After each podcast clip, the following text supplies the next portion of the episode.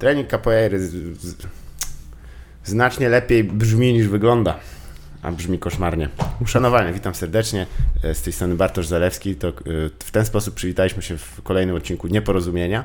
I dzisiaj e, moim gościem i waszym jest Łukasz Błaszczyk. Uszanowanie. Dzień dobry, bardzo mi miło. Tak jest, Łukasz Błaszczyk, który jest opromieniony wczorajszym spotkaniem autorskim, które miałem wielką przyjemność poprowadzić. Jak, jak w ogóle spotkanie autorskie to jest, przyznam, dziwny zwierz, nie? Bo ty miałeś już za sobą jedno, tak. i to było w Warszawie, tak? Tak, tak jest. Jak, jak się czułeś tam, jak, jak to wyglądało z twojej perspektywy? Byłem bardzo zestresowany mhm. przed tym spotkaniem, także dosłownie wszedłem tam na miękkich nogach i myślałem, że będzie bardzo źle. Na początku tego spotkania miałem problem z tym, żeby sklecić zdanie w języku mhm. polskim dłuższe niż na trzy słowa. A później jakoś już się rozkręciłem. Mm, mam takie wrażenie i takie wrażenie odnieśli, odnieśli ludzie, którzy tam przyszli. Mhm. Więc ogólnie było to przyjemne, choć też może był to efekt tego, że przyszli sami moi znajomi. Nie było ani jednej obcej osoby. E, tylko, że, że sama ta formuła, że siedzisz i mówisz do znajomych, których jest kilkanaście osób, mhm. e, jest trochę stresująca. No oczywiście pewnie nie dla ciebie, bo jesteś nawykły do takich sytuacji. A ja no, ale mnie tam nie było. Akurat. No właśnie. Um, ale czy to prowa- też wówczas chyba było stworzone nagranie i wywiad z tobą? Tak jest. Z jakiegoś powodu montażysta wybrał, żeby e, scentrować swoją uwagę na dziecku naszego wspólnego znajomego. To prawda, montaż był e, kontrowersyjny. E, taki Trochę weselny. Dokładnie, nawet, tak. tak studniówkowy tak. trochę. To prawda. No, nie wiem, może to był żart. E, mnie rozśmieszył. To prawda, był, był tam rzut na dziecko. Mm -hmm żeby, e, wiesz, wciągnąć tą ważną demografię e, ludzi, którzy mają dzieci zwanych rodzicami. Dokładnie. E, to ciekawe, bo sama jakby książka jest mocno nierodzicielska. Właściwie to jest też, wspominałeś już poza anteną, ale nie, nie mógłby sobą, gdyby, gdybym też nie wspomniał, że jednym z swoich fanów jest osoba niedorosła też, tak? Bo rozumiem, że dwunastoletnia? Tak? Na oko. Ja nie umiem tego ocenić. W sensie to takim, jest bardzo ważna umiejętność, to, to ci od razu mówię. To. Tak, nie jeden tak. się przejechał na niej. To, to prawda. To, no, no tak. Po prostu kiedy widzę dziecko, nie wiem, czy ma 5 lat, czy 15, e... To jest akurat ta granica, którą lepiej poznać. Tak, dokładnie. No, no, nie, żebym. No, zresztą nie będę brnął. W każdym razie tak. Y, był to y, małoletni fan, mhm. który który pojawił się na targach książki w Warszawie, e, na stoisku Świata Książki, gdzie mhm.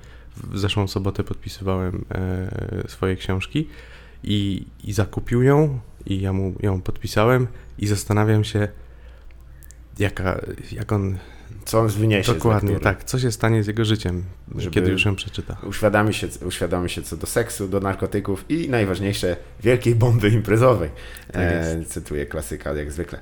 Um, ale to, to jest interesujące o tyle, że jeżeli bym był w wieku y, tego twojego, y, tego, tego y, czytelnika, to myślę, że bym z chęcią to przeczytał, bo to jest taka powieść trochę przygodowa, można rzec. Nie jest to może płaszcz i szpada, raczej e, tulipan i, e, i koc. Ale dobra, możemy skończyć. To było naj, oficjalnie najdowcipniejsze, co powiedziałem.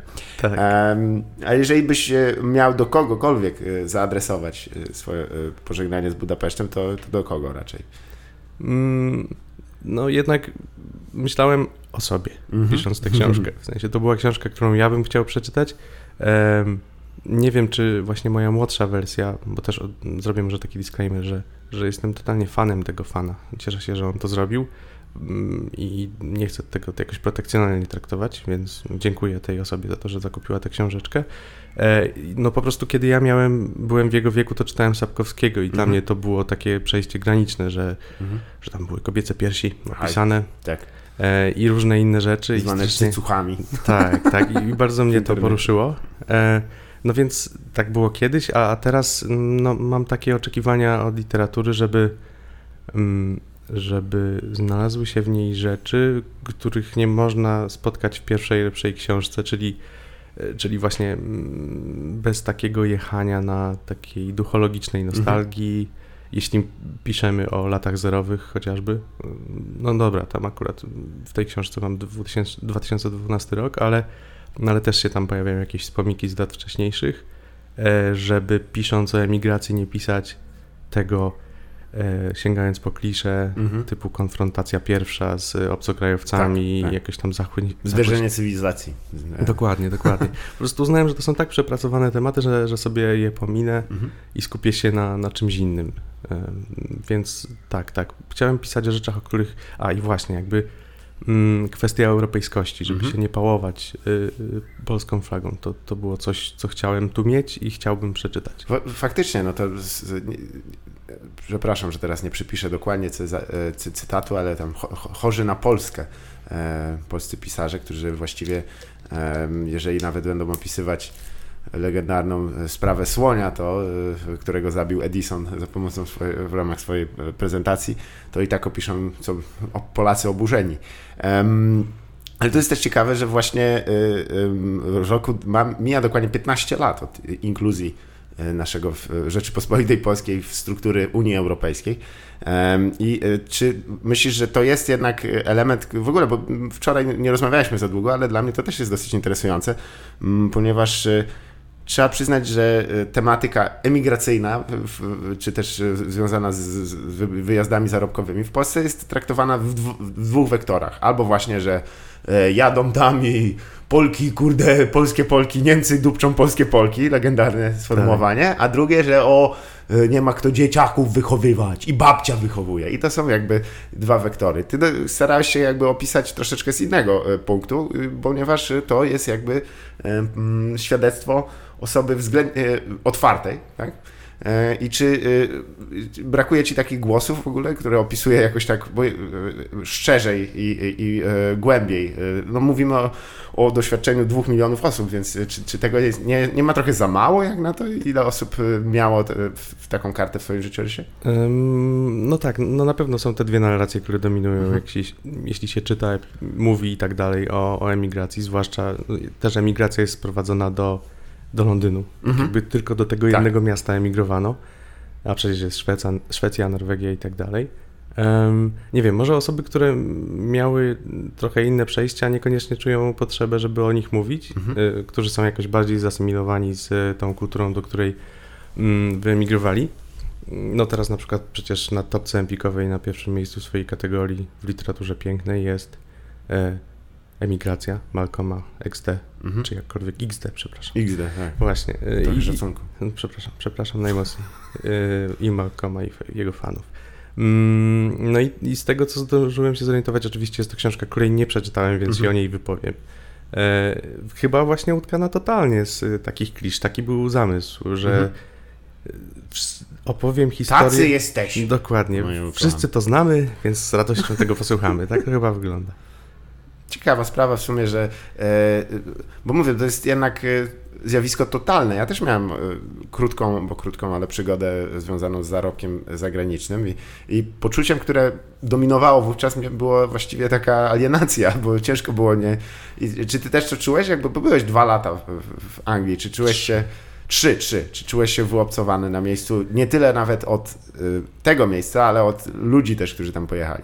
E, nie no, ja byłem takim strasznym szajbusem. Mhm. Miałem bardzo obsesyjny pomysł na życie za granicą, czyli jak tylko znalazłem się tam, to natychmiast nie przyznawałem się do, do swoich rodaków. Mhm. E, nie chciałem mieć z nimi nic wspólnego, tylko chciałem totalnie wsiąknąć w to obce środowisko, co oczywiście było rasistowskie. E, Polacy ale... to nie rasa na szczęście. No, no tak. Pracujemy tak. nad tym. Może to mnie...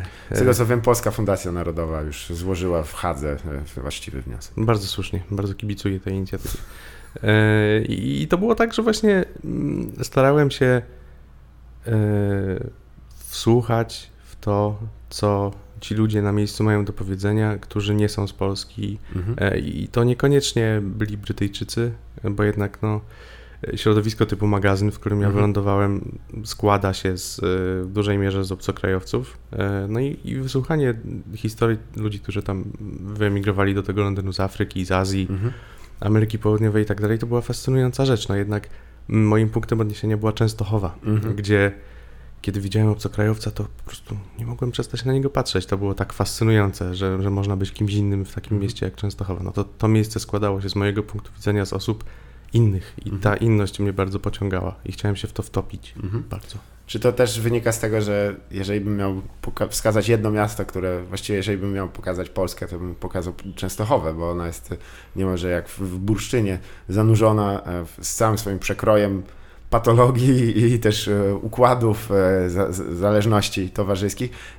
Ty miałeś ile lat, jak wyjechałeś z Częstochowy? 21. No to już w sumie nie tak mało, bo myślałem, że trochę wcześniej. E, czy e, wracasz tam jeszcze do tego miasta e, względnie często? Na jednej w ogóle bym tam nie wracał. Mhm. Robię to tylko ze względów rodzinnych. Tam mieszka moja matka, mhm. moje babci i mój dziadek i jeszcze tam pozostali członkowie rodziny. No i po prostu chcę się z nimi widzieć, mhm. więc oni nie przyjadą do mnie, dlatego ja muszę przyjechać do nich, ale nie czuję żadnego związku duchowego z tym miastem. Może jakbym wrócił tam mm, za jakieś 15 lat na wycieczkę, e, właśnie mhm. taką duchologiczną, żeby sobie przypomnieć podstawówkę, liceum i tak dalej, no to to może byłoby przyjemne, ale Mhm. Ale... Czyli nie, raczej nie ma w tobie materiału na takiego e, myśliwsko-podobnego e, człowieka, który wraca wspomnieniami do złotych lat dzieciństwa po, po wielokroć? E, wiesz, to, to, to jest tak, że w mojej głowie te powroty się dokonują, ale mhm. niekoniecznie czuję potrzeby odbywania ich naprawdę. W tym sensie, że, że tak, jasne, no jeśli... Ile ja mam lat? Aha. E, więc większość, większość życia tam spędziłem, więc to siłą rzeczy we mnie siedzi. E, 21 z 35 lat. E, ale Mm, tak, no ale właśnie, niech to sobie siedzi w mojej głowie. Często chyba też nie zrobiłem jakiejś krzywdy mhm. raczej, więc to nie jest tak, że, że tam, nie wiem, boję się tam jeździć czy cokolwiek, tylko po prostu byłem, Masz widziałem. tego, słyszałem, że ty i Oskar Pam Pam, legendarny raper częstochowski, rozjebusy dwa, ścigany na Rakowie. Dokładnie. Tak jest. Tylko właśnie e, ciekawa sprawa, bo jakby no, przeskok między Częstochowem a Londynem to jest, e, przyznam, dosłownie przeskok cywilizacyjny. E, tak niemalże skok ontologiczny. E, I co, co cię w sumie najbardziej e, e, czy zweryfikowałeś jakieś swoje wyobrażenia o tym, tej, tym, tym wielkim świecie, którym żyłeś do tej pory na miejscu, czy raczej wszystko, mniej więcej się to spełniło, to co zakładałeś? Nie, nie, no to było zupełnie inne niż ja sobie wyobrażałem. Oczywiście byłem na tyle zorientowany w sytuacji, żeby nie sądzić, że tam ludzie chodzą w melonikach, mówią nienaganną angielszczyzną i tak dalej, ale jednak to był trochę szok kulturowy, w tym sensie, że mm, nie wiem, pierwsza osoba chyba, którą zobaczyłem na zajutrz po tym, jak tam wylądowałem, szła ulicą i mówiła sama do siebie. Mhm. I wydawało mi się, że to jest nienormalne, że mieszkają tu ludzie szaleni. Dopiero później zrozumiałem, czym jest zestaw słuchawkowy. e, e, więc no, tego w Częstochowie na przykład nie było. E, to były tego typu e, rozkminy.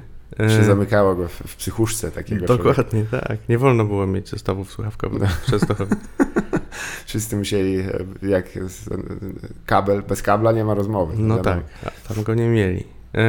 Poza tym, tak, Londyn był dużo brudniejszy na przykład niż ja myślałem, mhm. że będzie, w sensie wszędzie walały się śmieci. Ludzie też śpią na ulicach, co jest... Tak. E, czego nie wspominają w folderach. To, to prawda i też w Częstochowie nie mieliśmy bezdomnych, przynajmniej mhm. ja nie widziałem ich na swojej dzielnicy. I, I tak, właściwie nie wiem od czego zacząć, ale ten kraj był zupełnie inny mhm. niż ja myślałem, że jest. Tak. Nie wiedziałem, co to są tabloidy na przykład. Aha. I tam je przeczytałem i byłem zszokowany. Tam były też kobiece piersi na drugiej tak, stronie. Tak. Nie wiedziałem, co się dzieje. No, jest to interesujący splot konserwatywnych e, poglądów i e, starych, dobrych, już wspomnianych cycuszków. Tak. A, a, właśnie kultura tutaj chyba jest jednak e, tematem, który najbardziej się też przesącza w, w tym, co napisałeś i e, aż z naciskiem na muzykę. Czy miałeś okazję podczas swojego pobytu w Anglii pójść na koncert takiego zespołu, że stwierdziłeś, o, warto było w sumie spędzić te trzy lata choćby do tego, żeby posłuchać ich na żywo? Tak, totalnie. Dla mnie wydarzeniem w Częstochowie z całym szacunkiem był koncert Various Monks czy Wilków, tego typu kapel Demono, Majki Jeżowskiej, a... E, w... Ale żeś poleciał mocno.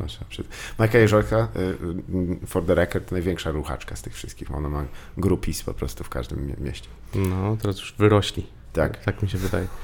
Będę musiał to wyciąć i e, usunąć e, nazwisko pani Jerzewskiej e, z pozdrowieniem dla, jego, dla jej managementu. A co to było za ten, za koncert? Koncerty, sądzę, że nie tylko jeden się na tak, jednym się skończyło. Wiesz co, w związku z tym, że byłem właśnie bardzo wypuszczony kulturowo, no to chodziłem tam naprawdę co, co drugi dzień może na koncerty, w tym sensie, że mm, ja mieszkałem na północy Londynu, w mhm. dzielnicy Enfield i mhm Stamtąd najprościej było dojechać do centrum pociągiem, więc to też oddaje y, skalę tego przedsięwzięcia. No jednak naprawdę co drugi dzień czy trzeci jeździłem do tego centrum, żeby pójść do jakiegoś klubu, mm, żeby zobaczyć jakiś koncert. One naprawdę były na moją kieszeń y, totalnie na moją kieszeń. Tak, mhm. to chciałem powiedzieć. W sensie stać mnie było na nie. Teologicznie były opłacalne. Dokładnie tak. E, no to pamiętam, że ceny to, no, zwłaszcza takich totalnie niszowych e, artystów, wahały się, mm, ceny tych koncertów wahały się tam od 5 do 10 funtów. No wiadomo, były też droższe za jakieś 50 funtów, na przykład Roger Waters, którego mhm. widziałem. Mm, ale tak, y, zobaczyłem mnóstwo. Czy miałeś taką hipsterską e, zajarkę, y, sorry za użycie tego słowa, w 2019 roku, jednego i drugiego w sumie, e, ale za to, że miałeś okazję zobaczyć zespół, który był na tak zwany progu sławy jeszcze zanim wszyscy się nim zajarali, czy, czy to raczej nie, miał, nie było twoim udziałem? Czy tak było? Nie wiem, widziałem chyba Jamie'ego T, zanim on został mhm. popularnym wykonawcą, ale no w Polsce nigdy szczególnie popularny chyba nie był. Mm nie, nie, no, nie wiem, pewnie tak. Nie pamiętam już co widziałem. Mhm. Robiłem to hurtowo. Wtedy miałem e, konto na serwisie Last.fm i wszystko to pieczołowicie oznaczało. Skroblowanie było to tak legendarne. Jest. Tak, to było też fetysz tego, żeby mieć jak najwięcej unikalnych wykonawców. Dokładnie tak. Wiadomo, można Bardzo pokazać. to piłowałem. Każdy szedł na rekord. Faktycznie. A czy, bo czy wracasz teraz jeszcze do Londynu? Czy zdarzyło ci się odwiedzić od tamtych czas, y, czasów Zjednoczone Królestwo? To, to jest w ogóle tragiczna historia, bo ja bardzo czułem potrzebę wracać tam jak mhm. najczęściej, ale jakoś niedługo po moim powrocie do kraju załapałem e, lęk przed lataniem. Nie, no to było tak, że najpierw byłem bardzo biedny, tak. więc nie mogłem tam latać, bo mnie nie było stać. Później byłem mniej biedny, ale przestałem latać samolotami, więc zrobiłem chyba, no tak, jedną wyprawę służbową, bo naprawdę musiałem. E, pojechać do Londynu, więc robiłem to autobusem. O nie! I to było bardzo przykre przedsięwzięcie. E, naprawdę tam 30 coś chyba godzin jechałem z jakimiś ludźmi. Ktoś próbował nielegalnie przekroczyć granicę i go wychwycono tam gdzieś w Kale czy coś takiego więc działy się jakieś dziwne rzeczy. Yy, 30 godzin w autobusie. Coś takiego, tak mi się wydaje, bo tam wiadomo, ten czas postoju na granicy jest. Yy, no i tam jest godzinę jeszcze do tyłu. No, no, no właśnie, yy, więc raczej tam nie jeździłem z tego względu, że po prostu nie używałem samolotów, a no teraz znowu raczej jestem biedny na powrót, więc a, a już mogę latać samolotami, Widać, że twój, twój lęk jest spięty z sytuacją finansową. No tak. To jest interesujące, że w czasach, kiedy cię stać, e, nie stać cię e, pod względem odwagi. E, ale to dziwne, dziwne, że jakby w dorosłym życiu jeszcze sobie stworzyć jakiś e, lęk, e, to tak niecodzienne, trzeba przyznać. To, to tak jakby w wieku 35 lat zacząłbyś nagle palić. by było ciekawe, prawda? No ale w ogóle Londyn, ja przyznam, miałem okazję odwiedzić tak bardzo po, pokrótce. Jest przerażająco wielki. To jest po mhm. prostu aż nie, nie przytłaczał cię trochę format tego miasta i jego rozmiar? Mm, wiesz co, to jest chyba tak, no przynajmniej ja tak miałem e, w wieku 22 lat, e, kiedy tam mieszkałem, mhm. czy 23 i tak dalej, że byłem trochę głupi i, i nie, nie znałem pojęcia lęku właśnie mhm. przed czymś tam. Nie, nie dostrzegałem w tym mieście za bardzo m, potencjalnych zagrożeń. Mhm. I być może dlatego. Yy... A czy były takie, że, że coś się zdarzyło takiego, że z perspektywy jakbyś dopiero do, dojrzałeś do, do, do konstatacji, że to jednak było mogło się bardzo źle skończyć, czy, czy raczej cię ominęły takie sprawy? Nie, chyba nie było tak, że ktoś mi groził czymś, e, nie wiem, nożem czy coś mhm. takiego. Nigdy mnie tam nie pobito, nie obrabowano. Mm, ale to się oczywiście mogło zdarzyć. Na przykład podróże, e, przepraszam, autobusem nocnym, powroty z centrum Londynu do no, te prowincjonalną północ tego miasta, no nie były przyjemne tam się działy trochę dantejskie sceny. Mhm. E, Zwłaszcza, że też... Mm, no jedna jest opisana zresztą w książce i czy tak. to jest oparte na, faktach? Nie, nie, to, to w ogóle zmyśliłem. To był taki motyw, że właśnie kiedyś wracałem e, z centrum i jacyś Francuzi zaczęli robić piknik w środku Aha. nocy, ale no to jest zmaszapowane z totalnie fikcyjną sytuacją, czyli że właśnie ktoś tam robi jakiś rozpierdol na, na górnym pokładzie autobusu, to się nigdy nie wydarzyło. E, ale, ale faktycznie no, to było tak, że ja też zaczynałem tę pracę w magazynie bardzo wcześnie, na szóstą tam musiałem być rano, więc y, przeprowadziłem się w pewnym momencie do centrum miasta, bardziej, no, bliżej centrum, bo to też była północ Londynu, mm, więc musiałem o czwartej chyba wstawać, żeby zdążyć na autobus nocny i tam dojechać do tego magazynu, więc wtedy było tak, że dla mnie się dzień zaczynał, a dla ludzi kończył e, w kałuży Żygów na przykład mm -hmm. i to, to też nie było zbyt przyjemne. Tak, bo to kolejne, no niezbyt oryginalne, ale spostrzeżenie, które e, wniosłem z, z wizyty w Wielkiej Brytanii, to to, że oni strasznie chleją. To Kosmicznie wręcz, to jest niewiarygodne, bo jakby kumam zabawę, ja ją uwielbiam, ale tam to zawsze prowadzi do e, jakiegoś no, ciężkiej zadymy. Oni po, kochają się prać po mordach. To jest niesamowite. Czy byłeś świadkiem, świadkiem może właśnie bujek takich? Bo mnie najbardziej zaskoczyły, przyznam ci, że e, to też zabrzmi, przepraszam, konserwatywnie, ale e, że kobiety tam się strasznie leją po prostu. I tak. tak, tak solidnie się piorą po ryjach.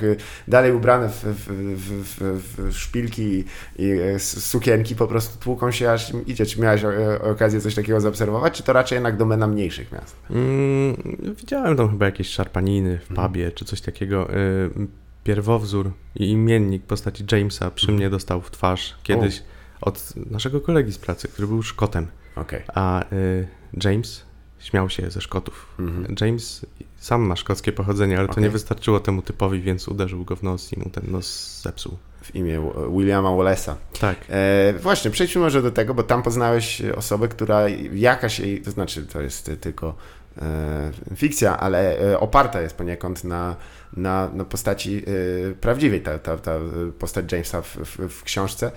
James, rozumiem, pracował z tobą w magazynie, tak? I tak jest. To dosyć ciekawe, bo wspomniałeś też, że jakby y, w ramach tego przekraczania granic, nie tylko rzeczywistych, ale też takich jakichś wewnątrz siebie, starałeś się zapoznać z kimś y, na miejscu i to jest jakby człowiek, który cię trochę, czy on cię trochę też nauczył życia, czy raczej to w Londynie, czy to raczej przyszło tak organicznie, bym powiedział? Mm, tak, totalnie mnie nauczył. Był takim, no, no tak, był mentorem, mhm. nauczycielem. Mm, no i jakby nie spodziewałem się, że taką postać spotkam w magazynie. Oczywiście w pewnym momencie pomyślałem sobie, że, że spotkam tam kogoś bardziej w moim wieku, kto mhm. na przykład jest, nie wiem, z Hiszpanii, jest ciekawy świata, tak jak ja, zostaniemy najlepszymi przyjaciółmi. A w sumie no nie spodziewałem się niczego ciekawego i dobrego po Brytyjczykach, którzy pracują w magazynie, oczywiście niesłusznie. Mm, I, I tak, James, mimo różnicy wieku, bo jest starszy ode mnie o jakieś 12 lat. O, ran, tak więcej trochę myślałem. To on już stary dziad jest. Trochę tak, trochę to jest przerażające. Mm, to też właśnie mamy taką zabawę, która się skończyła niedawno, bo mm, zawsze go, e, zawsze się z nim droczyłem, że, że minęło ileś lat od czasu naszego spotkania, a ja wciąż nie jestem w wieku, w którym był on, on kiedy się kiedy poznaliśmy. Się no to już jestem, on miał 30 chyba 4 lata. Okay. E, jakoś tak, więc jeśli on już dobił do niemalże pięćdziesiątki, to znaczy, że szybko czas minie i ja też tak. tyle będę miał. To bardzo smutna konstatacja. E, ale tak, James mm, nauczył mnie o muzyce, mhm. wiele o świecie. On był zawsze zdeklarowanym socjalistą, czego ja nie mogłem zrozumieć. Mhm. W sensie dla mnie socjalizm wtedy równało się komunizm. Ja wyjechałem z kraju postkomunistycznego, myślałem, co tak. ten człowiek Janusz mówi. Janusz Korwin-Mikke rozdawał ulotki. Dokładnie. No, gdybym wtedy jakby świadomie dokonywał wyborów politycznych, nie, nie, nie wykluczone, że Korwin-Mikke byłby moim idolem. No, więc Musiałem... Jest taka skaza pokoleniowa, przyznam, Dokładnie. że jeżeli się spojrzy w życiorysy wielu osób, um, które zajmują nawet teraz jakieś prominentne stanowiska, to mają taką fazę korwinistyczną za no sobą. No tak, to jest gimbazowa zajawka. Tak. No, ale z drugiej strony ludzie też reggae słuchali. Tak. E, więc trzeba być e, empatycznym i wybaczać złe wybory. E, z tą wiedzą związaną, bo ty już rozumiem wcześniej interesowałeś się, się muzyką, prawda? Tak. Ale to na miarę, jakie były opcje w Częstochowskiej, jeśli chodzi o, wspominałeś koncertowe, ale czy, czy było jakieś środowisko skupione wokół muzyki bardziej niezależnej w Częstochowie twoich lat, wcześniej, wcześniejszych? E, moi koledzy słuchali raczej jakichś tam rapsów, mnie to zawsze przerażało. Tam byli ludzie, którzy mówili o broni, narkotykach i prostytucji. Ja się z tym nie utożsamiałem. E, słuchałem progroka, bo moi rodzice słuchali progroka i to jeszcze takiego złego progroka w stylu Marillion. E, tak, I, i no jakoś byłem z tym sam bardzo. Mhm. Dopiero jak się pojawił internet, to zacząłem się jakoś tam komunikować z fanami Marillion na całym świecie i poczułem, że przynależę do jakiejś grupy. A później mm, zacząłem słuchać trip-hopu mhm.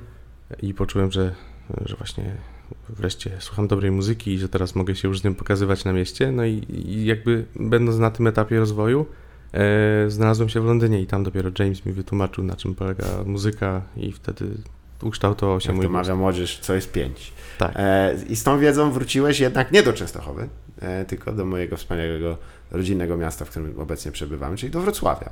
To był twój wybór, e, czy związany ze studiami? Jak to, jak, jak to się stało, że jesteś, spotkaliśmy cię nad Odrą?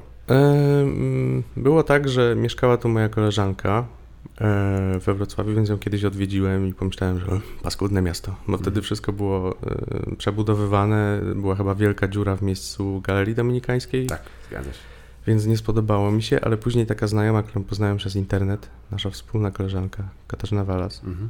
e, okazało się, że ona będzie zdawała do Wrocławia, więc pomyślałem, że a w sumie może wrócę na studia, może wrócę do Polski. Z może mojego Radomia e, przyszła tutaj na studia prawa zresztą. Dokładnie, więc ona mnie chyba zainspirowała do tego, żeby sobie tu pojechać, więc tu kiedyś po prostu wybrałem się na weekend, przeszedłem się, zjadłem shawarmę w Sfinksie na rynku i pomyślałem, wspaniałe miejsce, mogę tu żyć. I tak się zaczęło. Tak zwany zestaw e, wycieczka szkolna z Legnicy. Tylko, że oni raczej idą do McDonalda. Tak.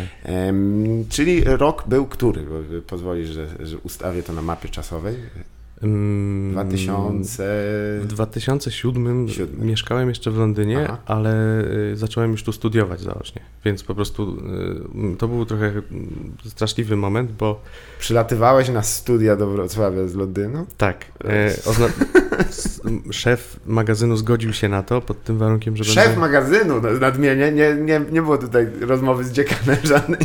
Tak, nie no, dziekan, dziekan był okej. Gdzie do szefa magazynu, poza tym startuje w szarżach. Dokładnie, więc rozmawiałem z, z szefem magazynu, Andy Jesse się nazywał i on powiedział, że dobrze mogę tak zrobić pod warunkiem, że będę pracował te 5 godzin w tygodniu, 5 dni w tygodniu, więc żeby to zrobić musiałem mieć 5 plus 5, mhm. żeby mieć te 4 dni na zjazd. Ojej. W związku z czym ja nigdy nie miałem dnia wolnego. E, I trochę mnie to zniszczyło. Jeszcze się wtedy rozstawałem ze swoją wieloletnią dziewczyną, więc e, generalnie to plus 10 dni pracy z rzędu, plus 4 dni mhm. imprezowania i zjazdów we Wrocławiu sprawiło, że przestałem spać w pewnym momencie. Po prostu wjechała mi ostra bezsenność i nie byłem w stanie zmrużyć oka. Im bardziej byłem zmęczony, tym bardziej nie spałem. Byłem zombie. Mm, ale to, to widzę, że jakby y, y, wtedy ten tryb życia zmieniłeś na tryb życia stały w takim wypadku i, i w pełnoprawnie przeniosłeś się do Wrocławia i tam też y, na studia, tak? Tutaj to tak. był jaki kierunek? Bo... E, dziennikarstwo i komunikacja społeczna. Legendarna uczelni e, Uniwersytet Wrocławski za rzeką, tak. pewnie na Wydziale Matematyki tak. e, były Dokładnie. zajęcia. Zresztą też jestem absolwentem tego wspaniałego kierunku. Pozdrawiam wykładowców, szczególnie jednego, który bardzo sprytnie prowadził wykłady na naszym wydziale i też na tę samą godzinę miał na SWPS-ie również wykłady, więc był tylko w systemie zmianowym. Raz był tam, raz był tu. I zawsze mówił, no niestety nie wiem, czy przyszłym tygodniu się uda, zobaczymy. I wiedział, e, że nie. E, a skończyłeś ten, ten wydział? To, tak. A, z tytułem magistra? Tak. Brawo, gratulacje. Dziękuję. No to muszę Ci oficjalnie e, pogratulować, bo ja niestety jestem tylko licencjatem. No ale to też jest czas przełomowy, jeśli chodzi o Wrocław, bo też mniej więcej w tym czasie ja też zaczynałem wkraczać w pseudodorosłość. E, czy w, sam, w, książce nie znalazła się za dużo? Wrocław jest wspominany tam, można powiedzieć, um, ukradkowo, ale czy to nie jest też troszeczkę tak, że ten czas cię trochę zdefiniował, jeśli chodzi o, o wybory na przykład muzyczne i personalne przede wszystkim? Tak, tak. Ja wtedy wszedłem e, w ten krąg towarzyski skupiony wokół serwisu Screenagers. Mhm. E, I to byli ludzie, którzy, no też ja tam już przyjechałem z tego Londynu i pomyślałem, ja jestem z Londynu, ja wiem wszystko e, o muzyce i w ogóle o życiu, a później się okazało, że, że znowu tak nie jest, nie jest to takie proste. Więc od tych ludzi się bardzo wiele nauczyłem, chociaż wszyscy bez wyjątku byli młodsi ode mnie, przynajmniej we Wrocławiu. Mm, postaci typu właśnie Paweł Sajewicz, Kamil Bałuk, Bartosz Zalewski. E, Pozdrawiamy wszystkich. Dokładnie. Tego ostatniego nie ma. Kasia Walas. E, tak. Tak jest. E, tak, tak. Osoby, które zresztą teraz no akurat Kasia, pozdrawiamy aż do Nowej Zelandii, kawał drogi, Dokładnie. ale cała reszta też się zajmuje, no jeżeli nie samą muzyką, to bardziej wytworami kultury, jak to nazwijmy. Ciekawe właśnie, że to też ten nazwijmy go fermentem, chociaż to jest słowo bardzo nie, nie na miejscu, bo to raczej jest, e, ja bym to des, destylacją nazywał bardziej, ponieważ to wszystko w oparach straszliwych e, ilości e, alkoholu spożytych, e, ale tak. skupiony też wokół nie tylko z, z serwisu Screen Ages, e, który oczywiście pozdrawiamy tam e, ekipę, e, ale też Radia Luz tutaj lokalnego. Czy ty miałeś okazję pracować z falami Radia Luz? Ja byłem tam takim sidekickiem Kasi Wolanin, mhm. też redaktorki serwisu Screen Ages i polegało na tym, bo ja w ogóle mam taką małą, mało przebojową osobowość i ona bardzo dużo zawsze mówiła, ja mhm. wtedy zwykle mówiłem tak. Albo nie. No to jest, jesteś doskonałym w takim wypadku przybocznym. Tak, e... dokładnie. Sprawdzałem się w tej roli znakomicie. Jeszcze Potakiwacza było... takiego klasycznego. Tak jest, tak. Takim właśnie byłem postacią w tym radiu. Jeszcze było radio, e, radio Młody Wrocław, staje się. Tak jest. Z Krzysztofem Kolankiem tam razem robiliśmy rzeczy. Wyglądało mi z perspektywy, to chyba był przekręt jakiś finansowy, ale bardzo możliwe. Kto wie. Też e, to, to jest czasy, kiedy czy ty tą taką pasję muzyczną przekułeś na... Y, na to, żeby jakoś e, kiedykolwiek zająć się grą na instrumencie lub też chociaż odtwarzaniem publicznym takiej muzyki? E, raz miałem gitarę mhm. E, i w wyniku jakichś tam zawirowań logistycznych ona została w Londynie, więc pomyślałem, Bóg tak chciał. No nie, nie, ja jestem skrajnie nieporadny manualnie, a tu jednak trzeba robić rzeczy na dwie ręce. Mhm. Ja nigdy tego nie umiem robić. Bolały mnie palce i paznokcie, brzmiało to źle. Miałem też kiedyś klawisze, więc zrobiłem takie Robiłem tak, że wciskałem dwa klawisze mhm. na pół minuty i myślałem, mmm, a teraz zmienię to na te o, dwa klawisze. Mm. No to myślę, żebyś się przemknął. Tak. E, mówię nie bez powodu, ponieważ e, legendarny duet DJ-ski, który, którego powrotu dalej wyczekujemy z, wielką, z, wielki, z wielką estymą, czyli Łukasz Błaszczyk i Paweł. Może wytłumacz na, e, pochodzenie nazwy tego duetu, bo jest to bardzo fajna historia. Znam ją, ale z chęcią usłyszę. E, to było tak, że byliśmy takimi rezydentami klubu Niskie Łąki Mm, no i byliśmy bardzo półprofesjonalni, to znaczy graliśmy MP3 na komputerze, mhm. E, ale no jakoś tam przebijaliśmy się i w końcu zaproszono nas do tego, żebyśmy grali z Pawłem Sajewiczem y, w klubie Szajba. Mhm. I to był nasz taki zenit popularności. I kiedy ja próbowałem właśnie dokooptować Pawła do tego grania, e, to impresario e, tego klubu, e, Krzysztof Kaźmierczak, zapomniał jak Paweł ma na nazwisko, więc na plakatach w, miejscu naszej nazwy znalazło się hasło Łukasz Błaszczyk i Paweł. jak pies. No tak. Nie Janet. pomyślałem o tym. Wspaniały Gonzo i Janet. Biedny Paweł. Byłem zresztą świadkiem tego tej imprezy i udało Wam się, chłopcy, to też trzeba oddać, przechlać prawie całą y, swoją, y, swój zarobek, co też jest y, dość widowiskowe. Nie wiem, czy tam nie było chryi na koniec Było, wieczoru. było, no wyrzucono nas z tego klubu, bo to wyglądało tak, że zawsze mieliśmy taki podział na rolę, że Paweł częściej grał, mhm. a ja chodziłem nam po alkohol. Tak. Ale tam były olbrzymie kolejki, było bardzo tłoczno, więc zanim ja dotarłem z powrotem do tej DJ-ki, to już właściwie trzeba było zawracać, bo wypiłem wszystko po drodze i w pewnym momencie oni się zdenerwowali, że wypiliśmy im cały zapas whisky, w związku z czym nie będzie wypłaty. Mm. Paweł się poszedł wykłócać co, o to, co nasze, a ja gdzieś tam spałem w tym czasie i nie udało mu się i już nie zaproszono nas no nie, więcej. nie pomogłeś sprawie. Nie, nie. trzeba przyznać, to nie jest dobry argument. Jeżeli ci mówią, że się zachowujesz nie, nieprofesjonalnie, że przesypiasz go tę część kłótni, to jest dosyć ciekawe. Ale powiem ci, że do dzisiaj mam e, w związku z tym e, lokal Szajba jest na mojej oficjalnej liście bichów i nie chodzę tam nigdy. Choćby mnie wołami ciągnęli, to nie dam się zmusić. E, bo wierzę w lojalność takich spraw i też lojalność jest w sumie e, tematem, który chciałbym poruszyć, ponieważ przebija on do, e, do literatury, czyli dokładnie Twojej powieści. Pewna nie tyle wierność ludziom, ale nawet takim jakimś bardzo zresztą często fałszywym ideałom przebija. Czy, czy ty miałeś tak w życiu, że kiedyś właśnie wierzyłeś w coś strasznie mocno i potem życie to też zweryfikowało, że, że stanąłeś chociażby właśnie przed, przed obliczem tego, że no jednak E, trzeba było się, no jednak się nie udało. czy, czy miałeś taki ideał jakiś w swoim życiu? Czy on jest związany z muzyką, czy, czy może raczej właśnie z literaturą? Mm, to jest skomplikowane pytanie. Bardzo, 16 się elementów składa, muszę je jeszcze raz przeformatować, ponieważ żeby przejść też do mięsa e, e, swojej powieści, ona jest też po jakiej części historią i kroniką zawodów dość często. E, czy uważasz, że, że raczej w życiu się ciekawie się pisze o sukcesie, czy raczej czy o porażce? No właśnie mnie bardzo zajmuje temat y, porażki. Y, być może dlatego, że było mi dane jej doświadczyć wielokrotnie mm, i uważam właśnie, że, że za mało się o tym pisze. To jest bardzo ciekawa sprawa.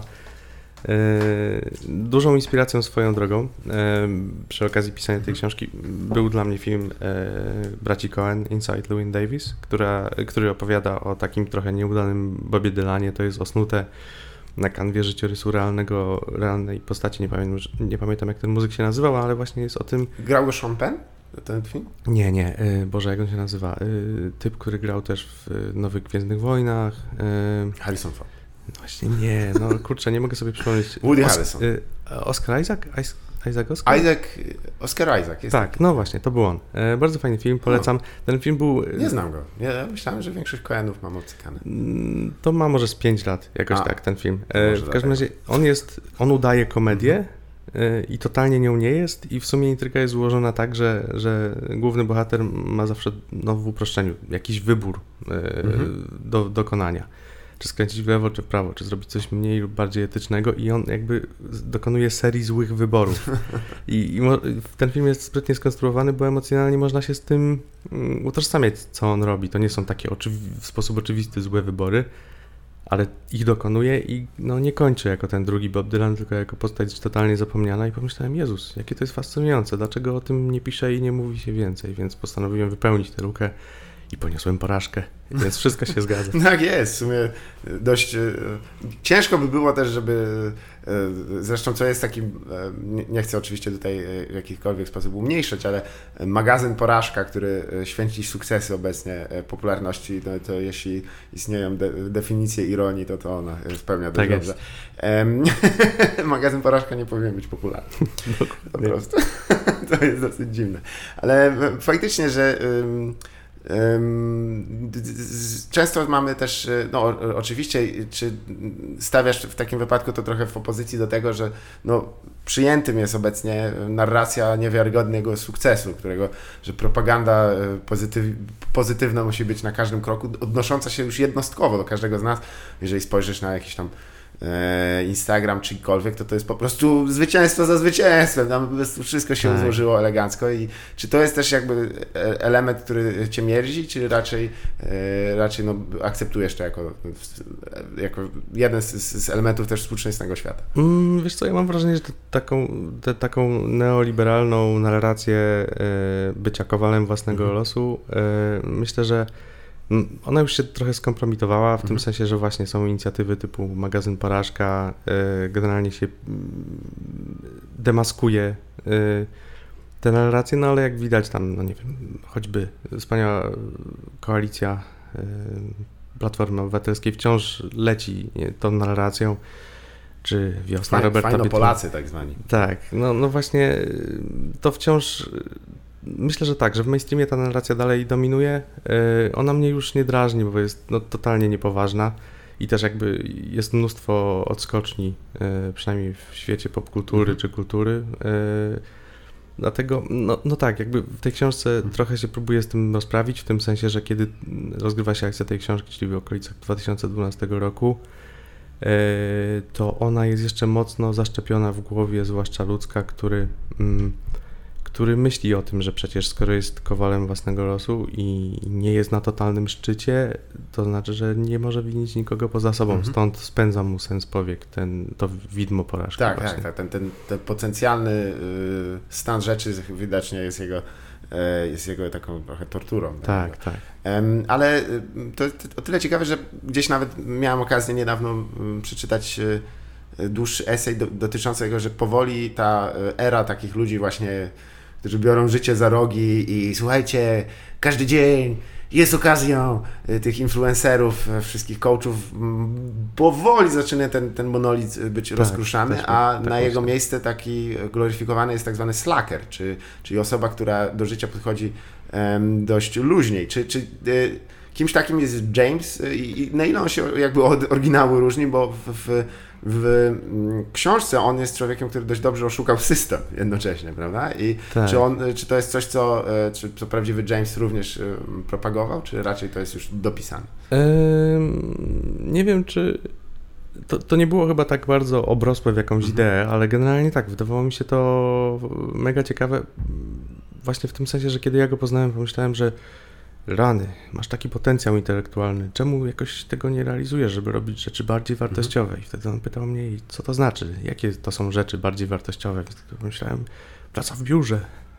Dlaczego to jest bardziej wartościowe? Już nie znajdowałem odpowiedzi. No generalnie mm, prac nie powinno się dzielić, no nie, no dobra, to też bez sensu, co mówię. Generalnie... Ale nie, no bo jest taka... Yy tutaj są jakby dwa, dwa sposoby spojrzenia na to, że tam już praca prosto uszlachetnia, że, że, czy ty też coś takiego, bo z mojego doświadczenia praca prosto zwykle w kurwie strasznie, ale jeżeli masz jakąś odskocznię, którą jest, jest twój e, własny ten, czy to, to jest też troszeczkę różnica między Polską a, a Anglią, że y, tam mamy do czynienia ze społeczeństwem, w którym jesteś w stanie wykonywać pracę względnie prostą i jednocześnie czuć jakieś tam poczucie godności e, własnej i, i żyć życiem względnie bezpiecznym.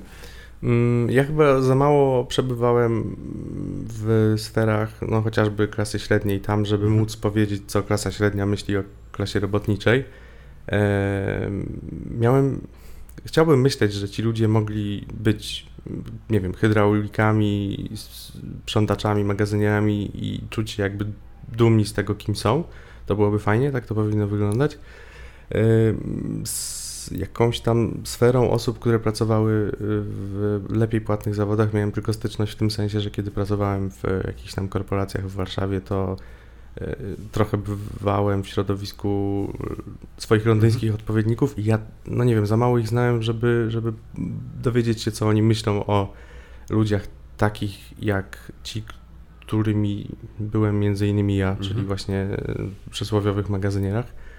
Nie wiem, no byłoby fajnie właśnie, żeby, żeby można było dokonać takiego wyboru i nie czuć się tak, jakby się przegrało. Tak, tak, to jest, to jest ciekawe, że jeżeli y, obecnie oczywiście wszelkie y, y, jakieś próby, takie kule, które tworzy nam władza kochana, tworząc narrację, w której E, godność wynika z, z, tego, że mieliśmy wielką radość urodzić się na pewnym skrawku ziemi nasi ojcowie i tak dalej. To tak. jest e, dosyć wzruszające, jeżeli się rzeczywiście ma porównanie. Ale jest takie e, e pokutujące przekonanie, że Anglia jest najbardziej klasowym E, i oczywiście tutaj e, dzielonym na klasę, nie że z takim e, sznytem społeczeństwem świata. Czy, czy, czy rzeczywiście zauważyłeś to, że Anglicy dość często mówią, że ktoś jest upper class, middle class albo lower class? Mm, wiesz co, to miało pewnie sens kiedyś tam, jak te mhm. stratyfikacje były wyraźniejsze, ale teraz to jest tak, że że klasa średnia ubożeje tak. w związku z polityką, Boże, austerity, jak to się nazywa, no zaciskania pasa powiedzmy. Mhm E, postkryzysowa polityka wdrażana przez partię konserwatywną. e, i też cięcie świadczeń socjalnych sprawia, że ubożeją najubożsi i, i właśnie wiele osób, które się... No można im jeszcze zabrać, powinni i tylko dlatego są biedni, bo, bo wybrali bycie to, biedni, za to bogaci, należy ich nagradzać. Tak jest. To więc... jest moralne bycie bogatym. Tak i dokładnie tak to tam działa, więc wydaje mi się, że, że niedługo będzie tak i, i tak będzie w sumie wszędzie, jeśli się tej machiny nie powstrzyma, że, mhm. że po prostu będziemy mieli ludzi bardzo bogatych, których będzie stosunkowo niewiele procentowo w społeczeństwie brytyjskim w tym przypadku i, i, całą resztę osób, które ma coraz mniej i coraz mniej i coraz mniej. No ale Channel 4 tam będzie miał e, nowy program dla nich. Tak. Ehm, czy to, bo to już tak powoli, żeby przesunąć się też ze strony literackiej, to jest też, że e, wszelkie starania bohaterów są rzucone jednak na e, tło e, takiego no, społeczeństwa, które dość mocno e, boryka się z, z wyborami ekonomicznymi mhm. przede wszystkim. Czy myślisz, że da się napisać w ogóle powieść, która by opisywała losy ludzi w konkretnym wieku w, w roku 2012, w którym nie byłoby elementu finansowego? Mm, pewnie wiesz, możesz to zrobić tak, że właśnie mm, robisz taką, taką trochę, fundujesz swoim bohaterom e, emigrację wewnętrzną, mhm. że są jakieś rozkminy na temat ziemniaka, który leży na parapecie i na ten ziemniak padają promienie słoneczne i co to oznacza i stracona miłość i w ogóle da się pominąć ten. Yy, z pozdrowieniami dla Warszawskiego Towarzystwa Wzajemnej Adoracji, którzy kurwa mają mieszkania po dziadkach i, i się nie muszy, nigdy się nie musieli schylić. Mm. Jebać was! nie, nie, żartuję, rzecz jasna. To będzie usunięte, mam nadzieję. Ale yy, nie no, bo no to już, już takie, wiesz, już ideologiczne podejście, ale że no, jednak tożsamość kształtuje w jakiejś formie też bytowanie, prawda? Tak, jest. Ciężko... Yy, i w, obie strony to myka. E, ale e, Wrocław zostawmy też już, jeżeli wychodzimy z tych odniesień, ponieważ e, ile lat temu przeprowadziłeś się do stolicy naszego pięknego kraju, do Warszawy? Mm, lat temu sześć. Sześć, no to byłeś pierwszą falą w takim wypadku emigracji wewnętrznej w znaczeniu polskich granic. Ale mm, czy coś Cię zaskoczyło w Warszawie? Mm, to było tak, że najpierw w Warszawie nienawidziłem. Mhm. E, pod koniec lat 80. zabrał mnie tam ojciec i pamiętałem z tego tylko tosty z oliwką w e, łazienkach, moja pierwsza oliwka w życiu, oraz e, katakumby dworca centralnego oraz to takie obskurne przejście pod mostem Poniatowskiego. Mm. I pomyślałem, Warszawa jest ohydna, nienawidzę tego miejsca i nie wróciłem tam aż do lat zerowych bodajże. Mm. I mieszkając we Wrocławiu jeździłem tam coraz częściej na imprezy, mhm. poznawałem ludzi z Warszawy. Wcześniej myślałem, że to są złe osoby. Później, przepraszam, rzeczywistość zweryfikowała te wyobrażenia. I, yy, i tak, jadąc tam spodziewałem się, że będzie, że będzie w porządku i było w porządku.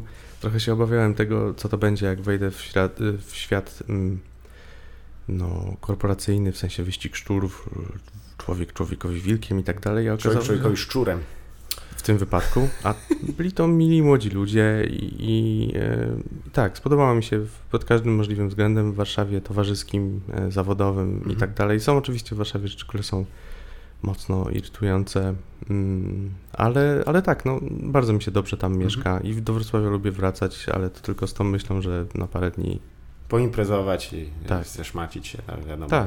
Jest to chyba, Wrocław jest najlepszym, bo piłeś w wielu różnych miejscach, ale ci powiem, e, podobnie jak ja, że nie jestem w stanie e, tak dobrze się bawić jak tutaj, nigdzie indziej. To już znam, że jest idealnie zaprojektowane pod e, szlajanie się po mieście, e, bo nie jest za duży, tak. ten, tutaj e, ten areał, w którym się to wszystko obraca, ale jest dosłownie każdy rodzaj knajpy, każdy rodzaj rozrywki, jaki jesteś w stanie sobie wynaleźć e, w zasięgu kroku. To prawda. Jeszcze zawsze mieszkając w Wrocławiu strategicznie wybierałem mm. mieszkania. Tak, e... faktycznie, bo to wszystko w, w obrębie kilku ulic od, od samego centrum. Dokładnie, żeby w razie czego móc bezpiecznie, bezkonfliktowo wrócić no, do domu. Chciałem Ci też z tego miejsca podziękować za, za Twoje słuszne dobory, bo e, one wielokrotnie ratowały, e, kiedy nie miałem noclegu, a to się zdarzało nagminnie. E, tak. ale to już oczywiście dawne czasy, teraz już każdy z nas jest już sytym mieszczaninem. Dokładnie. E, I właśnie, w, może pomijmy ten element korporacyjny, czy, czy chcesz może o nim porozmawiać, bo to jest o, o,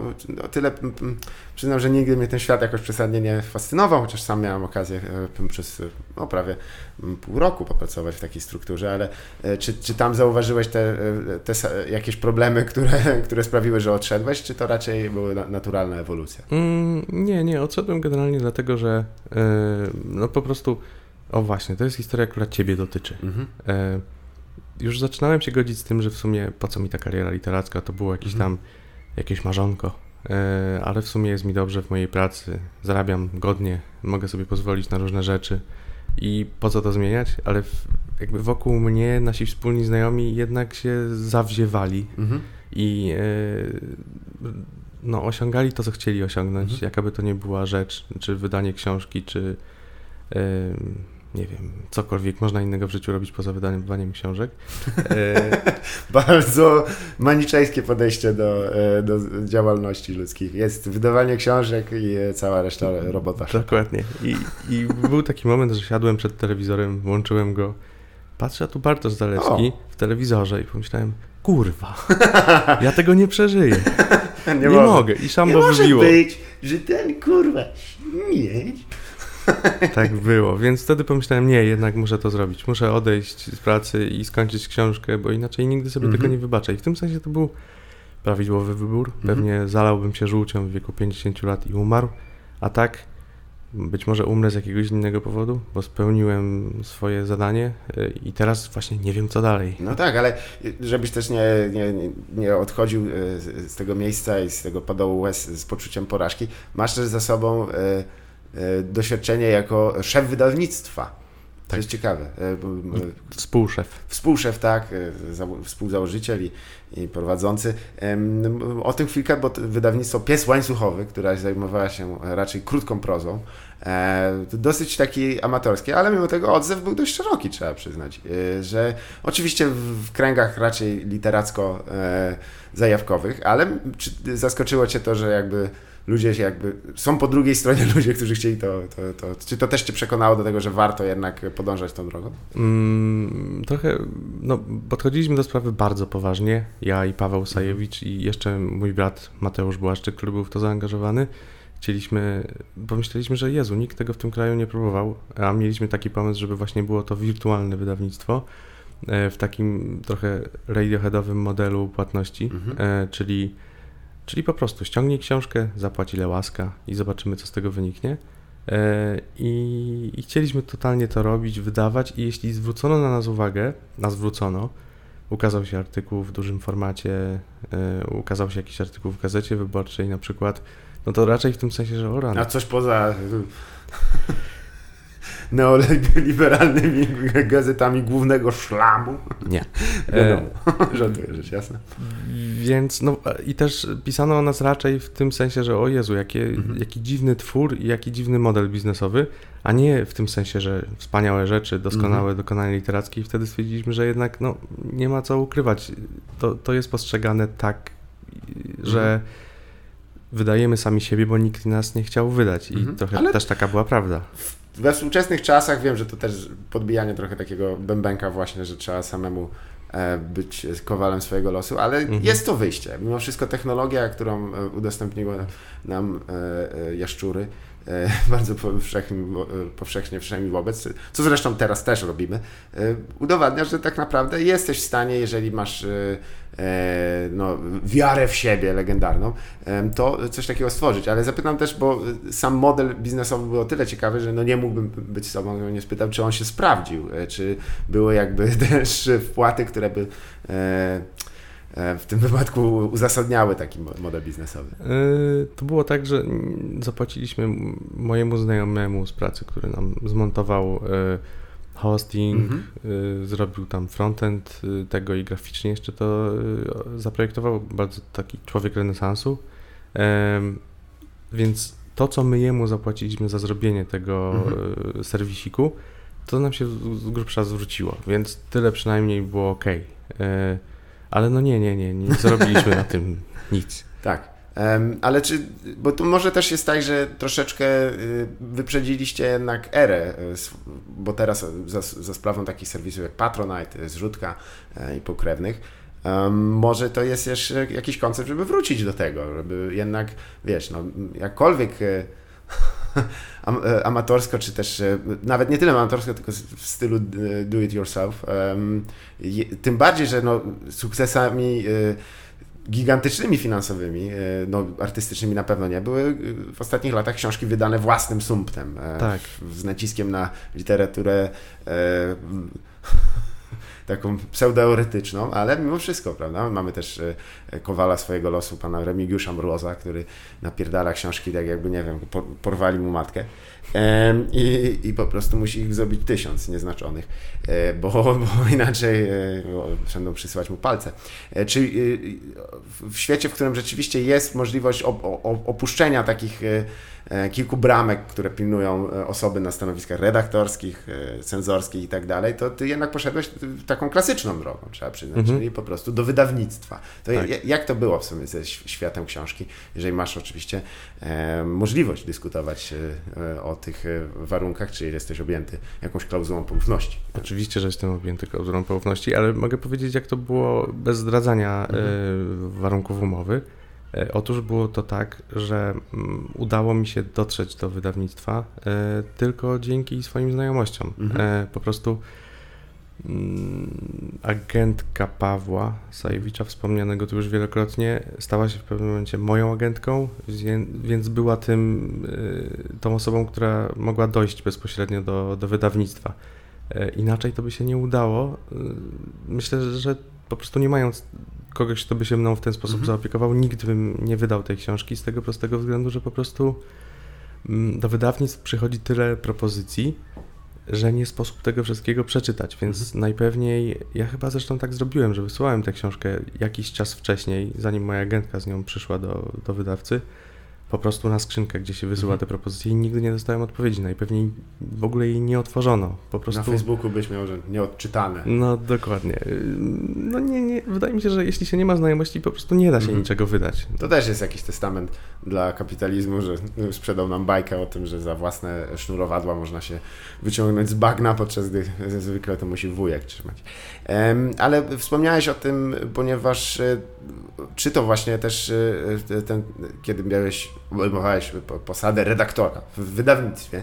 E, no, e, wspomniałeś w prywatnej rozmowie, że zaskoczyło Cię, jak wiele e, przy tych, tych, tych opowiadań, książek istnieje. I czy, żeby też nie zdradzać, czy był jakiś, był jakiś Twój faworyt, którego sobie zachowałeś, tak mówisz, wow, to jest, trzeba przyznać, interesujące? Na etapie właśnie psa łańcuchowego, tego mhm. naszego małego wydawnictwa, ja byłem wstrząśnięty skalą e, po prostu produkcji treści przez ludzi. My dostawaliśmy mnóstwo tych maili e, z propozycją opublikowania tego i ci ludzie robili to mimo świadomości tego, że jesteśmy półamatorskim tworem. E, więc no tak, to, to nie były dobre rzeczy. Zdaje się, że tak z zewnątrz nie opublikowaliśmy nikogo. Tylko to byli jacyś tam nasi znajomi, którzy też pisali. Ponownie. No, no dokładnie. Nepotyzm. Tak jest. Wszystko po, po, po, po znajomości. No to nie były dobre rzeczy i domyślam się, że tych złych rzeczy jest, jest mnóstwo, które przychodzi właśnie do większych A czy wydań. jakbyś miał pokazać jakby strukturę, to to były głównie opowieści obyczajowe, kryminały, czy raczej moje ukochane stare, dobre polskie fantazy? Yy, nie, ani to, ani to. To było jakoś tak, że y, zwykle taki model refleksyjno-oniryczny. Mm. Yy, idzie człowiek miastem, myśli o różnych sprawach metafizycznych i a może to wszystko się dzieje naprawdę, a może nie. Koniec. Aha, oko. Fajnie. Tak. E, a pyta, e, czy jakaś fraza ci chociaż zapadła w pamięć, taka, która przesyłałeś po cichu ludziom i ha! rzuć na to okiem, czy raczej nawet z tego się nie dało nic e... wykleić? Tak, tak, były takie rzeczy, tylko że ja mam bardzo słabą pamięć, e, więc już niczego tu nie przytoczę, ale były śmieszne rzeczy, takie, że naprawdę mm, pisali to ludzie z pewnością dorośli, a pisali tak, jakby nauczyli się języka polskiego wczoraj. To jest też kwestia, że no, mam, miałem wątpliwą przyjemność obcować z, z twórczością mojego e, kolegi e, e, scenicznego, który też postanowił wydać książkę własnym sumptem i no tutaj do legendy przeszło to, że chociażby nie dopilnował, żeby zapisać numerację stron. E, I e, też nie umie się za bardzo posługiwać językiem polskim, więc e, są ilość błędów, przyznam, że przestałem liczyć przy 500. Mm. Co jest wyczynem przy książce, która ma około 200 kilkudziesięciu stron. Ale nie, nie, pytam też bez powodu, ponieważ teraz obejmujesz w, w, znanej spółce medialnej, której tutaj nie, nie, będę, nie mam powodu wymieniać, ale też jako stanowisko, można powiedzieć, gatekeepera, czyli człowieka, który pilnuje też pewnego doboru tych tworów kultury, ale dokładnie scenariuszy. Tak? to jest, tak. I czy, ty, ty, czy jesteś w stanie zarysować jakąś też tendencję, jeśli chodzi o to, co ludzie nadsyłają, jeśli, bo, bo twoim zadaniem jest dobra, dobór już jakby konkretnych fabuł, e, ale co głównie, co Polacy piszą? Mm, To jest tak, y, na wstępie zaznaczę, że ja jestem tylko, jeśli już, to ciałem doradczym. To Mhm. nie jest tak, że ja podejmuję decyzję. E, No ale kierujesz światło na jakieś konkretne Tak, no, jakoś to opiniuję, że w to można by wejść, w to może niekoniecznie yy, i, i później czekam, co dalej z tym będzie. Yy, No i też pracuję na scenariuszach, które już wiemy, że są w realizacji, Mhm. czy trafią do realizacji. Yy, To tak jest wtedy przyjemniej, bo to wiadomo, są materiały wyższej jakości. Yy, A jeśli chodzi o ogólną tendencję, to tak, to mam wrażenie, że, że jakby twórcy kina w tym kraju lub wannabe twórcy kina e, robią tylko dwa rodzaje fabuł. Są to komedie romantyczne lub filmy gangsterskie. Mhm. Lub trzeci, e, trzecia gałąź. e, Mariaż tych dwóch. Tak jest. Komedie gangsterskie. O tak. I to już jest najgrubiej wtedy. Nie mam bla, bladego pojęcia, dlaczego y, w percepcji filmowców Polska jest absolutnie krajem, ban- gdzie bandyterka jest tak powszechna, kiedy no, jeśli już, to w białych kołnierzykach to się raczej odbywa e, i tam e, się robi e, tak zwaną twory bankowe albo coś takiego, ale, ale to jest ciekawe, czy, czy tutaj właśnie, no to jesteś też jakby obcujesz z humorem, który ludzie, e, czy nie masz wrażenia, że w tych filmach wszystkich ten humor jest jakiś, jakiś sprzed 10 lat minimum, to jest, że to jest jakby, ja rozumiem, że taki jest też cykl powstawania scenariuszy, ale ilość odniesień dotycząca, wiesz, tam, no nie wiem, tam Dariusza Szpakowskiego i do, do kurwy nędzy rodzinki.pl to jest, jest, jest przygnębiający. Yy, Czy, czy, czy yy, spotkałeś się może z jakąś komedią, którą stwierdziłeś, o, w końcu coś interesującego? Mm, Pewnie tak było, tak. Tak, na pewno tak było. Nawet ostatnio w telewizorze widziałem jakiś taki film polski, e, przypadkiem włączony w połowie i pomyślałem, hmm, śmieszne, ale niestety naprawdę nie pamiętam, co to był za film, więc ta anegdotka nie ma puenty. Łukasz Błaszczyk i jego rekomendacje filmowe.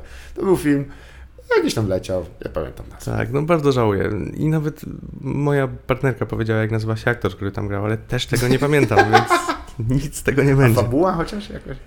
E, To była właśnie komedia romantyczna i była śmieszna. E, o, wiem, e, coś chyba się kończyło na... Mm, Nie ile- porady na zdrady, bo będziemy się bić. Nie, wiem, chyba nie. E, To zdaje się, że scena finałowa działa się na statku linii Stena Line płynącym do Szwecji. Ja mam dużą słabość do statków linii Stena Line płynących do Szwecji, więc A byłeś w Szwecji właśnie? Byłem w Szwecji. Tak, jeszcze kiedy nie latałem samolotami, e, pływałem tam regularnie stateczkiem i wspaniałe jest to doświadczenie. To jest taki splendor, e, który utknął mm, w latach 90. Zgadza się. I, E, i ludzie jeszcze też tak z- wyglądają. W czasach granic jeszcze. Tak, dokładnie. Że jest bezcłowy, Dokładnie. bezcłówka się otwiera, wszyscy ocierają kniapki i lecą i e, nagle z, jakiegoś powodu ten e, prom trochę zwalnia. Wszyscy są napierdoleni. Tak, Haniebnie wręcz. tak. Em, ale to ciekawe, że też wiesz, e, bo ja też miałem chwilę obcowania z, z polską komedią romantyczną ponownież i jakby zestaw stereotypów, który jest tam prezentowany był przygnębiający po prostu. Wszystkie, wszystkie możliwe stereotypy z, z dowcipów e, kabaretu, e, tutaj nazwy nie wymienię, są tam obecne i, i no ale to jeżeli byś miał komuś poradzić na przykład, jak, e, w jaki sposób napisać film tak, żeby scenariusz tak, żeby został rozważany nawet do realizacji, to, to co, co, co byś wskazał?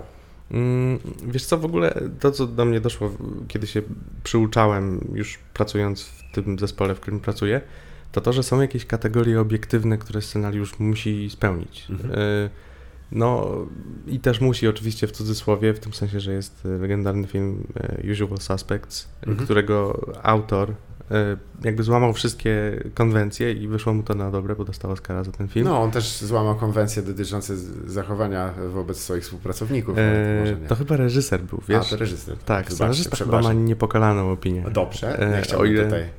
To nie pójdzie to szeroko. Zresztą nie wymieniliśmy żadnych nazwisk, więc Dokładnie. wszystko jest e, dozwolone. Więc tak, no jeśli chodzi o scenariusze, na pewno jest jakaś właśnie, mm, jest szereg zasad, których się powinno trzymać. Mhm. E, w stylu podział trzyaktowy, e, jakieś czytelne motywacje bohaterów, konflikt, który to jakoś dynamizuje. e, Stawki jakieś, żeby, Dokładnie, żeby tak. było przejąć I może czymś. Choćby to była komedia romantyczna, ona naprawdę powinna mieć problem, stawkę, motywację i tak dalej. I zwykle filmy są tego pozbawione. Tak. E, Znaczy, no, no zwykle. No, Są one na siłę, tak przyznam, że jak to powiedział mi kiedyś mój kolega, że e, oglądaliśmy jakieś właśnie e, tam dlaczego ja lub coś w tym duchu i tam jedna z bohaterek mówi, że moja mama zmarła. Ale nie, nie wiadomo na co, nie? Jak on to powiedział? Ona zmarła z powodów e, scenariuszowych. tak, No, tak. po prostu niedomaganie scenariusza, bo potrzebna była zmarła matka, więc e, niestety się pożegnała z życiem. Czyli e, no, oprócz podstawowych takich, tych, tobie czego na przykład brakuje w, w, kinie i co byś e, zobaczył na ekranie najchętniej? Mm, wiesz co? Oprócz pana Karolaka i Adamczyka, to wiadomo. No tak, te osoby bardzo często widuję w- w kinie i niekoniecznie, znaczy w kinie, no, w filmie. Na ekranie. Tak, na ekranie i niekoniecznie musimy się Nie dalej. mam pojęcia, ja oczywiście nic do nich nie mam, ale kto jakby. To jest jeszcze taka siła inercji, która panuje w Polsce.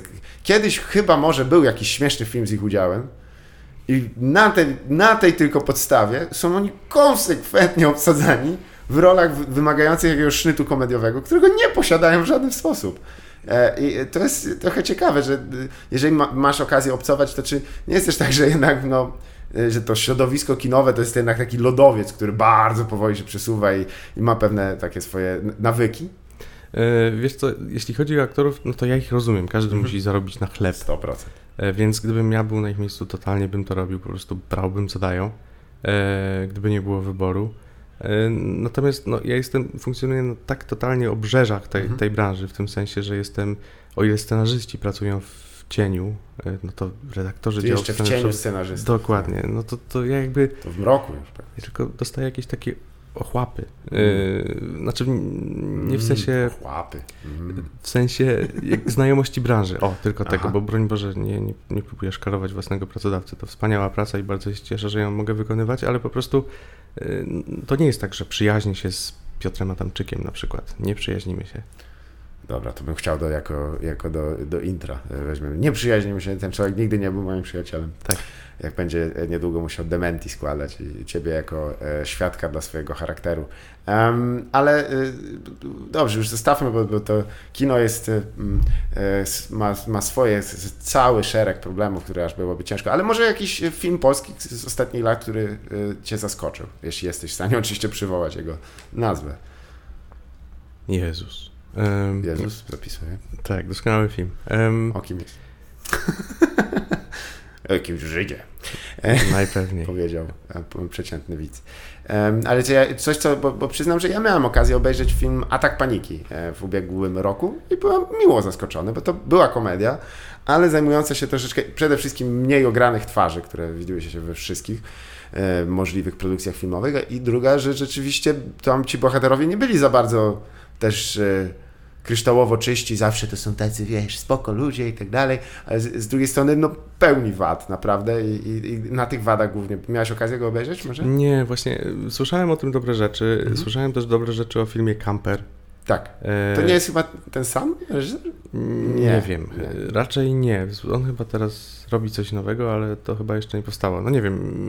W- każdym razie obydwa te filmy chciałem zobaczyć i ich nie zobaczyłem z jakiegoś względu. Mhm. E, oczywiście teraz nie jestem sobie w stanie przypomnieć ani jednego polskiego filmu w ogóle, jaki zrobiono. Poza Sex Misją. Może. Okej. E, A Więc, nie polecaj Sex Misji, proszę, nie? no tak, więc nie odpowiem Ci niestety na to pytanie. Um, no dobra, to przejdźmy może jednak na rzecz, która zde zdecydowanie bardziej e, będę Ci mógł trochę pociągnąć, czyli rekomendacje filmowe, e, bo ym, przyznam, że jakimś takim zwyczajem tej, tej, tej audycji, jeśli ją tak nazwiemy, jest, żeby coś zarekomendować z ostatnich swoich lektur lub jakieś ulubioną. Czy byłbyś w stanie nam e, coś podać, e, oczywiście poza oczywiście swoją twórczością, jak żeby inaczej, e, to coś, e, co Cię zainteresowało z literatury polskiej i zagranicznej? No, oczywiście będziesz miał ten sam problem, czyli to, że nagle wyparowała mi pamięć i nie wiem, co czytam, ale spróbuję dokonać yy, tutaj nadludzkiego No jakiejś wysiłku i sobie rekonstrukcji chociaż trochę, co, co, co, co się działo, tak? co, co ostatnio odłożyłeś może. E, ostatnio No i musisz pamiętać ostatnio, co przeczytałeś, do chuja pan. e, czasem czytam też z powodów zawodowych i nie mogę Aha. powiedzieć, co to było, żeby nie zdradzać o co chodzi, e, więc nie powiem, co czytałem ostatnio. Jezus. E, czytałem dużo, no, czytam teraz pismo. Aha. E, Magazyn. Tak, magazyn. Bardzo polecam Ładna tę inicjatywę. przede wszystkim, ale kiepskie y, komiksy. E, To zależy, bo mają e, różnych komiksiarzy w zależności Co od do numeru. do. To coś tam, nie, nie, to ja, ja znalazłem tam dla siebie fajne komiksy. Yy, czytam teraz numer majowy bodajże, Mhm. Yy, mam w plecaczku kwietniowy, w sam raz na podróż z powrotem do Warszawy. Yy, I właśnie polecam tę inicjatywę. Tam na przykład w bodajże kwietniowym albo marcowym był wspaniały tekst o pornografii, yy, sprzęgnięty z yy, pornografią sprzęgniętą z kapitalizmem. Mhm. Doskonały tekst, nie pamiętam już autorki, ale naprawdę Same białe plamy. no, no niestety trudno się ze mną rozmawia w sobotę. Zdecydowanie. Przypomnę, że dzisiaj też finał Ligi Mistrzów, więc jesteśmy, powoli się przygotowujemy, już malujemy twarze na barwy naszych e, plemion. Em, A za kim jesteś dzisiaj ze swoją drogą? Yy, Za zespołem yy, Tottenhamu, Mhm. dlatego że A, no to jakby też z mieszkałem nieopodal. Dokładnie. Nigdy nie byłem na meczu, czego bardzo żałuję. Strasznie drogie bilety. No teraz to już kosmicznie, ale Tak. wtedy jeszcze powiedzmy było mnie stać. E, To jest też element y, podczas cywilizowania tego y, sportu. y, Stworzono jednocześnie y, przestrzeń, gdzie zakup biletów to jest zabawa tylko dla osób naprawdę zamożnych, bo a już sezonowe takie, wiesz, żeby, żeby więcej to jest inwestycja dosłownie. I e, no tutaj oczywiście prym wiedzie chyba Arsenal, który potrafi 150 funtów kosztować bilet na mecz piłki nożnej do licha. mhm. Ugh. No tak, no w ogóle to, co się stało z piłką nożną jest bardzo smutne, ale jest, tak. i rzucam piłkę nożną sezon po sezonie i wciąż jakoś nie mogę. No, co prawda oglądam mniej meczów niż kiedyś, ale no Czy oglądam. ten, czy z, powodów moralnych e, katarskie mistrzostwa będziesz bojkotował? Niewykluczone, że będę, tak. Naprawdę bardzo mi przykro z powodu tego, co się stało z tą dyscypliną sportu, Mhm. z tego, jak ona jest zepsuta przez pieniądz. Tak, Y, chyba do, do, do cna. Nie, nie ma tak. tam. Nie, nie ma. No, nie wiem, możesz chodzić na AK jest zły i to jest chyba tyle, jeżeli No tak. cokolwiek. Myślałem o tym, żeby na powrót, znaczy na powrót, nigdy nie byłem kibicem Rakowa Częstochowa, ale myślałem o tym, żeby zacząć być. Teraz zaawansowali do ekstraklasy. Raków? Raków z pierwszego miejsca. Wspaniale. Przecież w Pucharze Polski wyeliminowali Legię Warszawa, Doskonale. więc no radzą sobie. To E, jest same z ten, to rany, no to kto wie, może bym... Zresztą do, do, do Częstochowy z Warszawy nie jest tak strasznie daleko. Nie. To jest dość dobre połączenie e, pociągiem. E, No to interesujące. E, Ale muszę, muszę, muszę, czy w takim wypadku, jeżeli nie, nie ostatnia rekomendacja, to jakąś książkę, którą byś, jak, lekturę uzupełniającą do lektury twojej książki bym polecił. Mhm.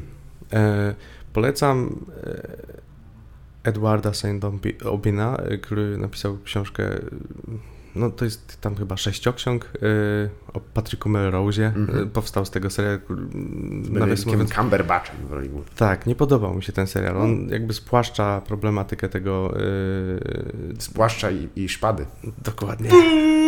Powrót. dokładnie. Jest, wiesz, że ten żart na początku miałem o tulipanie i teraz znowu Jest niewiarygodnie. Ja, to jest właśnie pamięć, Łukasz. Tak. Ucz się, kurwa. klamra w dodatku narracyjna się zrobiła. Patrick Melrose, słyszałem właśnie, że to jest naprawdę e, interesujący e, zbiór e, takiej dosyć... e, A czy, czy ciebie w ogóle cieszy taka literatura, która za...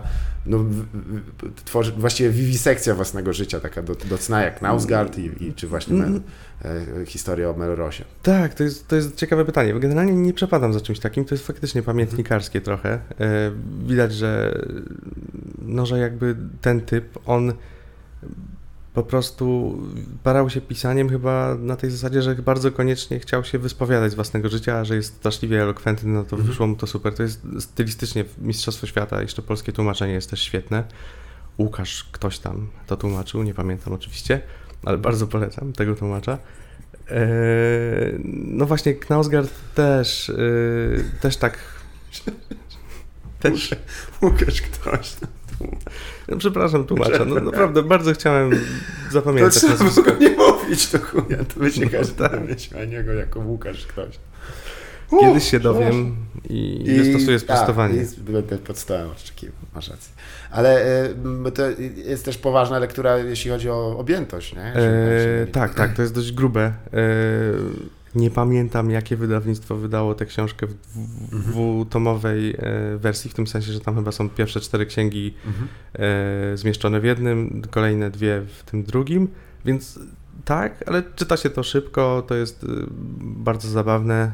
Jest tam wątek pedofilski, czyli tak. wszystko się zgadza. Jimmy Savile, jeśli bardziej będzie dokładnie. E, tak, tak jest. E... Wspaniała postać. Co jest, co jest tak, nie tak, że prawie wszyscy ludzie, którzy pracują, pracują przy e, produkcjach dziecięcych, to są chore pojeby. No, musisz, musi coś tam być, nie wiem, w wodzie może. E, a czy jeszcze e, oprócz Patryka Melroza, czy byłbyś w stanie, jeśli chodzi o taką, czy, czy jakaś, bo to oczywiście inne absolutnie czasy, ale czy, czy książka, która jakoś dobrze się bierze za bary z, nie musi być oczywiście powieścią, może być też beletrystyką, e, związaną z właśnie i poniekąd ekonomią e, i, i, też jak rzutuje to na życie ludzi w latach 2000 i, i następnych, bo może e, znalazłeś coś takiego, że, że, że byłbyś w stanie podsunąć komuś, że jeżeli chciałby jakby skumać o co chodzi, dlaczego, dlaczego hajs, hajs, hajs, rok 95, Łukasz Błaszczyk, gówniarz bez forsy i determinacja, by do czegoś dążyć, e, dalej jest, obowiązuje? Mm, zastanówmy się.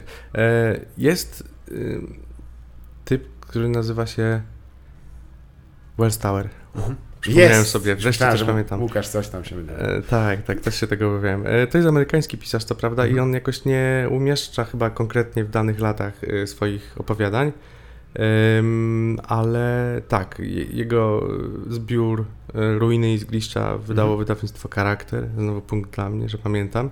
E, I, I są to takie trochę podszyte ekonomicznym niepokojem. E, tak, y, historie, wspaniale to jest napisane, bardzo mądre, to są rzeczy z dużą mhm. czułością. E, jeszcze trochę o, o, takich raczej dołach społecznych pisze mhm. fajnie. Jezus, Saunders się nazywa, mhm. ma tak nazwisko. George. George Sanders. Tak, tak, 10 grudnia tak. było takie, taki zbiorek. Lincoln w Bardo w ubiegłym roku. Tak. No tak, ja nie jestem fanem tej książki akurat. No, przyznam, że mi się taka dosyć emocjonalna, ale pod koniec tak trochę się czułem przewieziony, jakby trochę przy aktorze. Tak. E, a czy miałeś okazję może Carmen Machado przeczytać? Tak. Też, też przyznam, że tam, o ile ta część e, ekonomiczna to tam przesadnie występuje, to jest bardzo dziwny zbiór opowiadań. To prawda. No ale za jedno to opowiadanie, które jest jednocześnie opisem odcinków e, serialu e, kryminalnego, moim zdaniem warto kupić dlatego. Tak, to jest brawurowa... E, szaleństwo, co tam się wyprawia tak. w momencie, że czytałem to z rozwartymi oczami i w pewnym momencie nawet ustami. Tak, no, no tam nie, ja jakoś mam trochę problem, żeby się zaangażować w tę książkę emocjonalnie właśnie, ale no, no trzeba przyznać, że ona ma taki pomysł na literaturę, który jest totalnie inny. Ja mm. nie mogę sobie przypomnieć nikogo, który żadnego autora, który by próbował zrobić coś podobnego. No jeszcze Wallace może. Tak, on, on no tak. Przyznam, że w tych opowiadaniach, mm, on akurat od tej części technicznej bardzo wychodził i w efekcie niektóre, jego, on ma opowiadanie, które jest praktycznie mm, rzędem zapisów e, tak, poleceń. Przypisów dolnych. Tak, i, i, no tak, przypisy to już swoją drogą, ale... No to teraz zresztą chyba na dniach w Polsce w końcu Blady Król. I już jest, już jest. jest. Y, na dwutygodniku ukazała się właśnie bardzo pochwalna mhm. grecka autorstwa Jakuba Zgierskiego. Pozdrowienia serdeczne, PDW, PDJ, pozdrowienia do Jakuba. E, słuchaj, to dobrze e, wiedzieć wszystkie te rzeczy e, i w ogóle dobrze być. Zgadzam się.